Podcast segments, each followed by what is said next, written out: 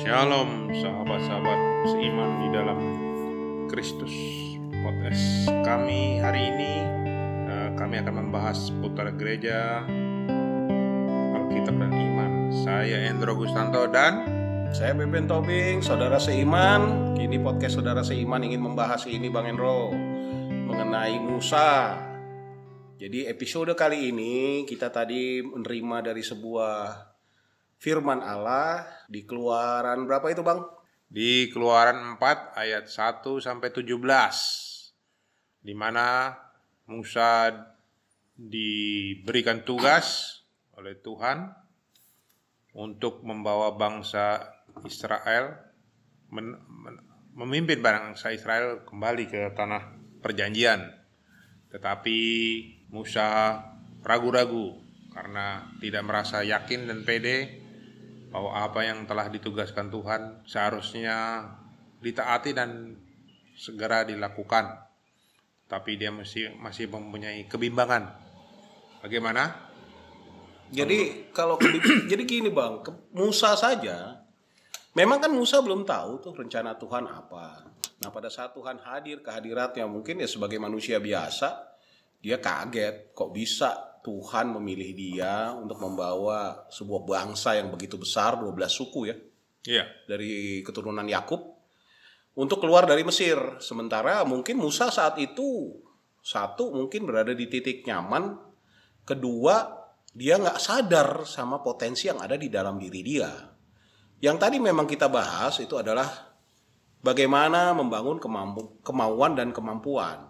Jadi mana yang lebih duluan. Nah, si Musa ini nggak punya kemauan, tapi dia punya kemampuan. Nah, siapa yang membaca kemampuan itu? Coba nanti saudara seiman membaca dari kit- kitab Keluaran ayat 4 1 sampai 17.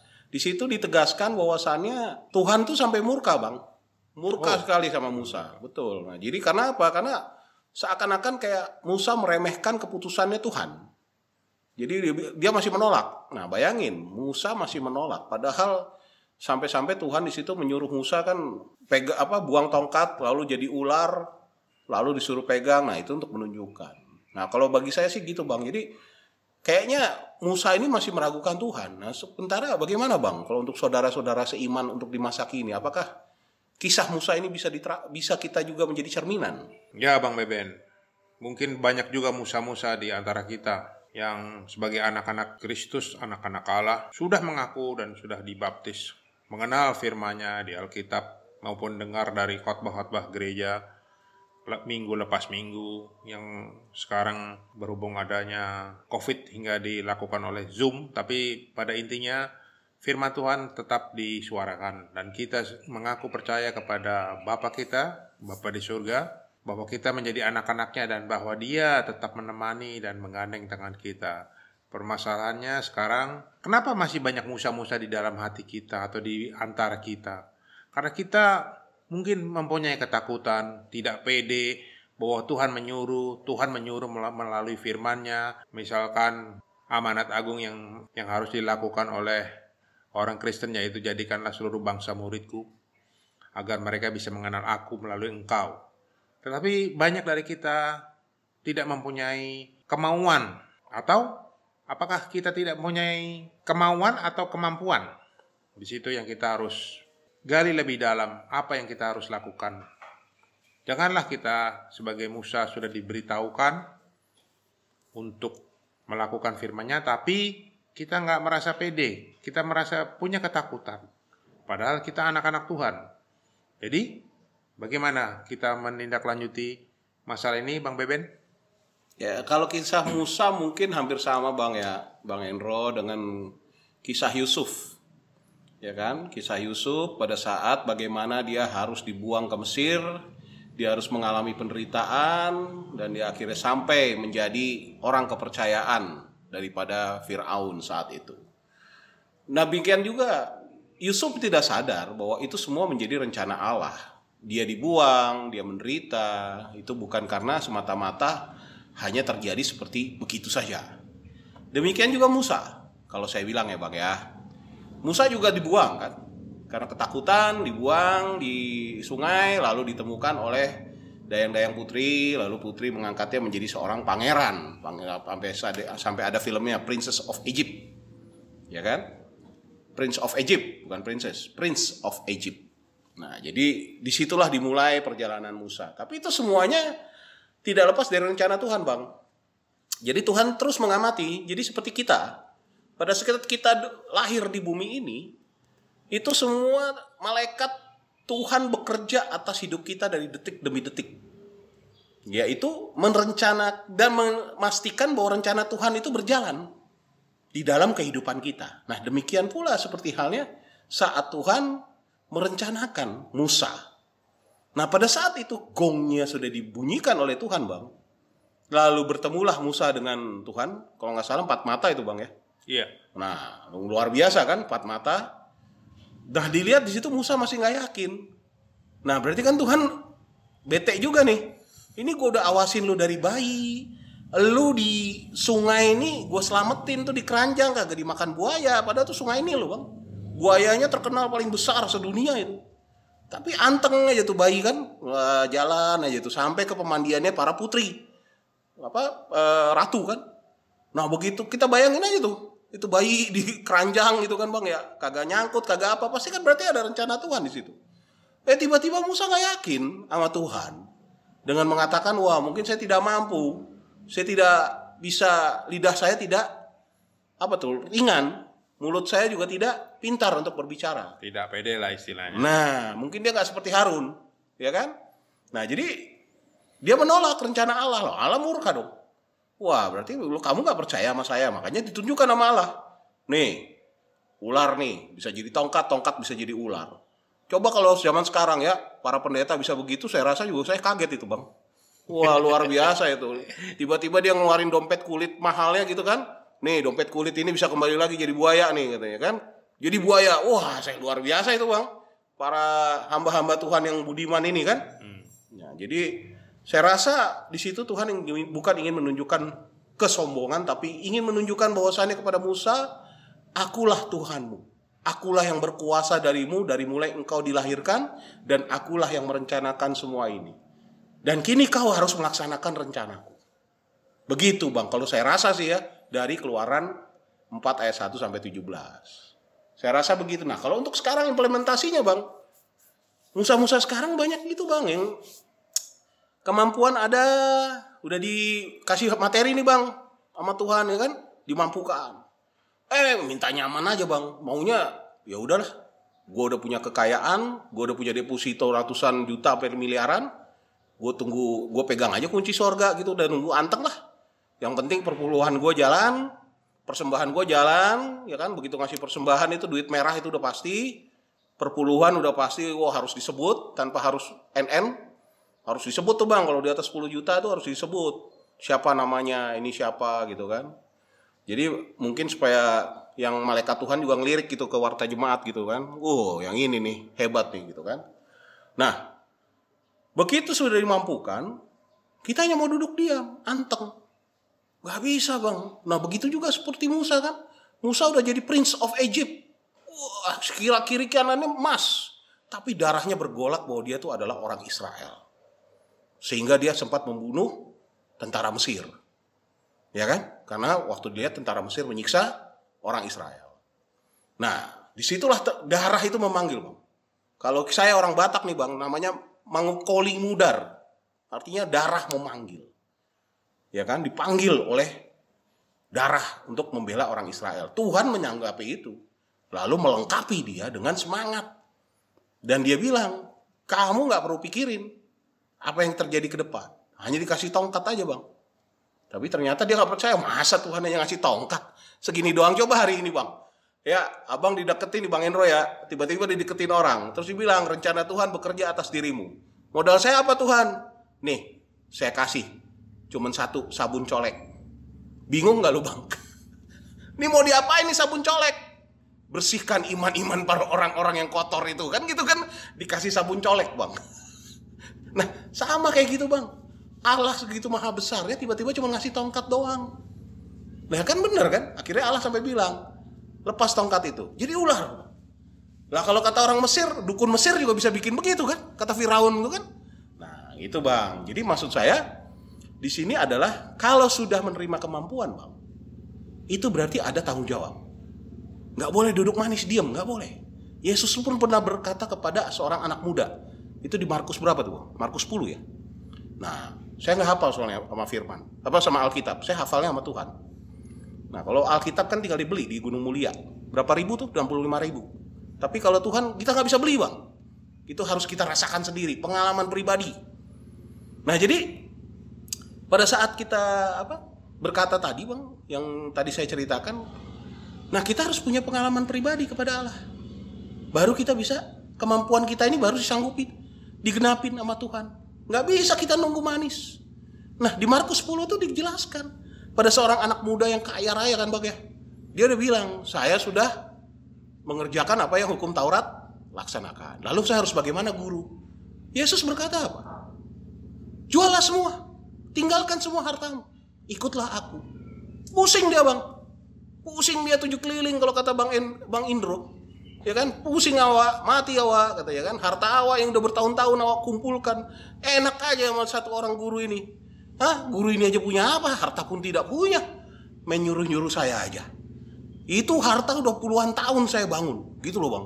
Kayak sekarang kan orang gitu.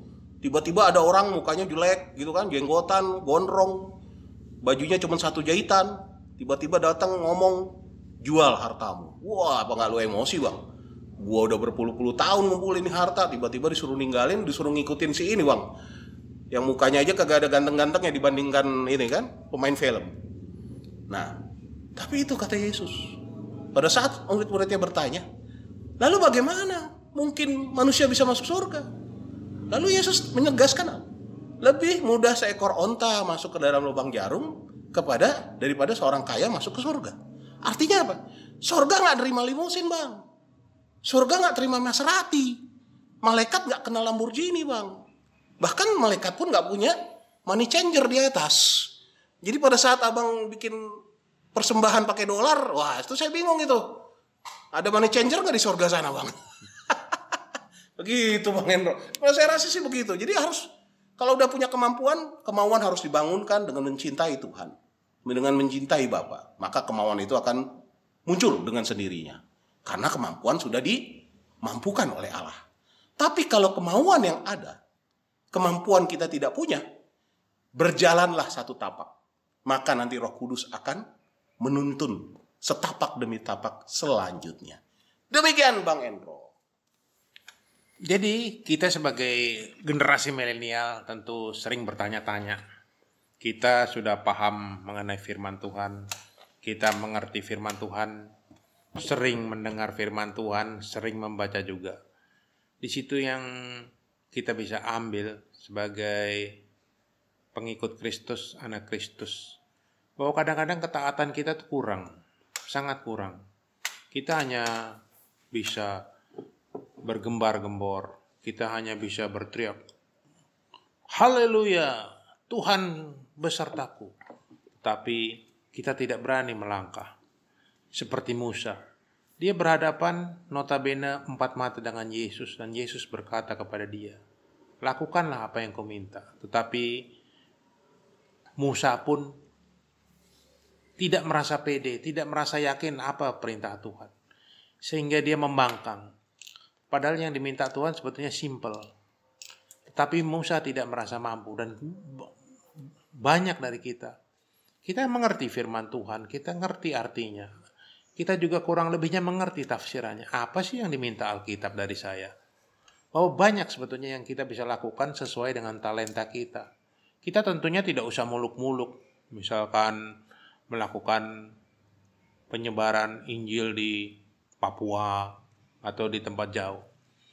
Kita mendingan uh, sharing dalam skala kecil sesuai dengan kemampuan kita, sesuai dengan talenta kita. Kita tidak usah melakukan hal-hal yang di luar kemampuan kita. Karena Tuhan mencukupi kita dengan segala talenta jika saudara-saudara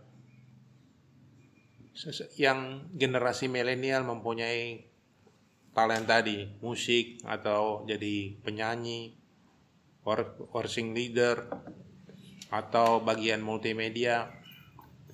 atau sekarang yang lebih diguna yang lebih dibutuhkan adalah IT untuk apa meeting Zoom kan banyak kendala-kendala. Lakukanlah di situ. Di situ kita bisa berkembang karena Roh Kudus akan membimbing kita dan menuntun kita. Tuhan memberikan suatu pelayanan tugas pelayanan. Tugas pelayanan itu akan dimulai dengan langkah pertama seperti ada peribahasa, Roma tidak dibangun dalam satu hari betul. Karena untuk membangun Roma yang begitu besar, dimulailah dari batu bata pertama dan menyusul jutaan batu bata, berikutnya. Jadi kita bila melakukan pelayanan, lakukanlah dengan skala yang kecil. Makanya kan ada juga di firman. Lakukanlah dulu hal-hal yang kecil yang dipercayakan kepada kita. Nanti baru yang besar ditambahkan.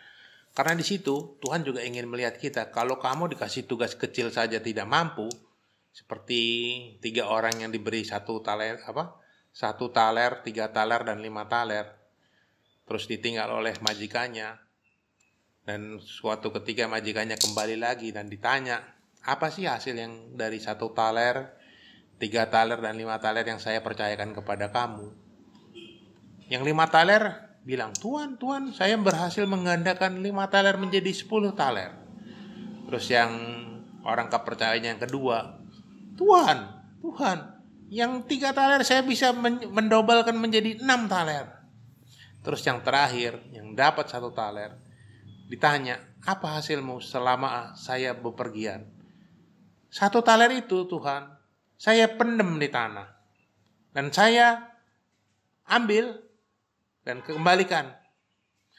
Karena Tuhan sangat pelit, memberi saya cuma satu taler. Saya nggak bisa ngapa-ngapain dengan satu taler. Kemudian tuannya dengan kecewa, kamu dikasih kecil aja tidak mampu untuk melakukan, apalagi dia kasih besar. Sama dengan kita manusia atau sekarang anak-anak muda yang milenial, lakukanlah dulu dengan satu talenta yang dipercayakan kepada kita. Entah talenta apa? Bisa menulis, bisa menulis renungan, bisa membacakan Alkitab di rumah jompo atau di rumah-rumah sakit. Banyak orang yang membutuhkan atau membikinkan uh, audio Alkitab dalam bentuk MP3 yang bisa disebarluaskan melalui WhatsApp atau menyapa teman-teman kita di WA group. Karena mereka tuh uh, butuh perhatian, butuh empati dari sesama kita. Karena kita mungkin terbatas dalam pertemuan, pertemuan antar anggota WA atau antar teman-teman dulu alumni dari sekolahan atau alumni dari universitas atau mungkin mantan apa pekerja kantoran mungkin sekarang teman-teman milenial sudah berpindah pekerjaan tetap jalin hubungan baik dengan sesama kita membantu semampu dengan kekuatan kita. Lakukanlah apa yang kira-kira Roh Kudus berbisik di hati kita masing-masing agar apa pun yang kita lakukan berkenan di hati. Yang penting kita mesti melakukan dan taat. Jangan kita sudah diberikan talenta, kita sudah berikan kemampuan entahkan kemampuan menyanyi, kemampuan mendengarkan curhatan dari sesama kita atau kemampuan memberikan konseling, tapi kita tidak pergunakan, kita sia-siakan talenta kita. Di situ, di tempat yang kecil itu, Tuhan telah menempatkan kita. Di mana kita bisa berkembang dan membantu. Karena untuk seandainya teman-teman milenial diberikan suatu suatu tugas yang sangat besar. Misalkan berbicara di depan 100 ribu orang. Mungkin itu terlalu mendadak dan mungkin kita tidak siap. Lakukanlah dengan skala yang kecil. Karena di situ Tuhan melihat jika kita melakukan talenta kecil, nanti akan diberikan dua talenta, tiga talenta, dan seterusnya. Yang penting kita melakukan dengan melangkah. Jangan kita sudah diberi kemampuan tapi tidak mempunyai kemauan. Karena amanat agung tetap memerlukan kita-kita. Kan tugas sebagai orang Kristen itu adalah jadikanlah seluruh bangsa muridku. Artinya kita mempunyai tugas melayani menyebarluaskan Alkitab, menyebarluaskan firman, agar mereka yang belum mengenal Yesus Kristus bisa mengenal dan juga memperoleh keselamatan. Bagaimana orang tidak mengenal Yesus Kristus tiba-tiba mendapatkan keselamatan? Tentu mustahil, bukan? Nah, di situlah peran serta kita.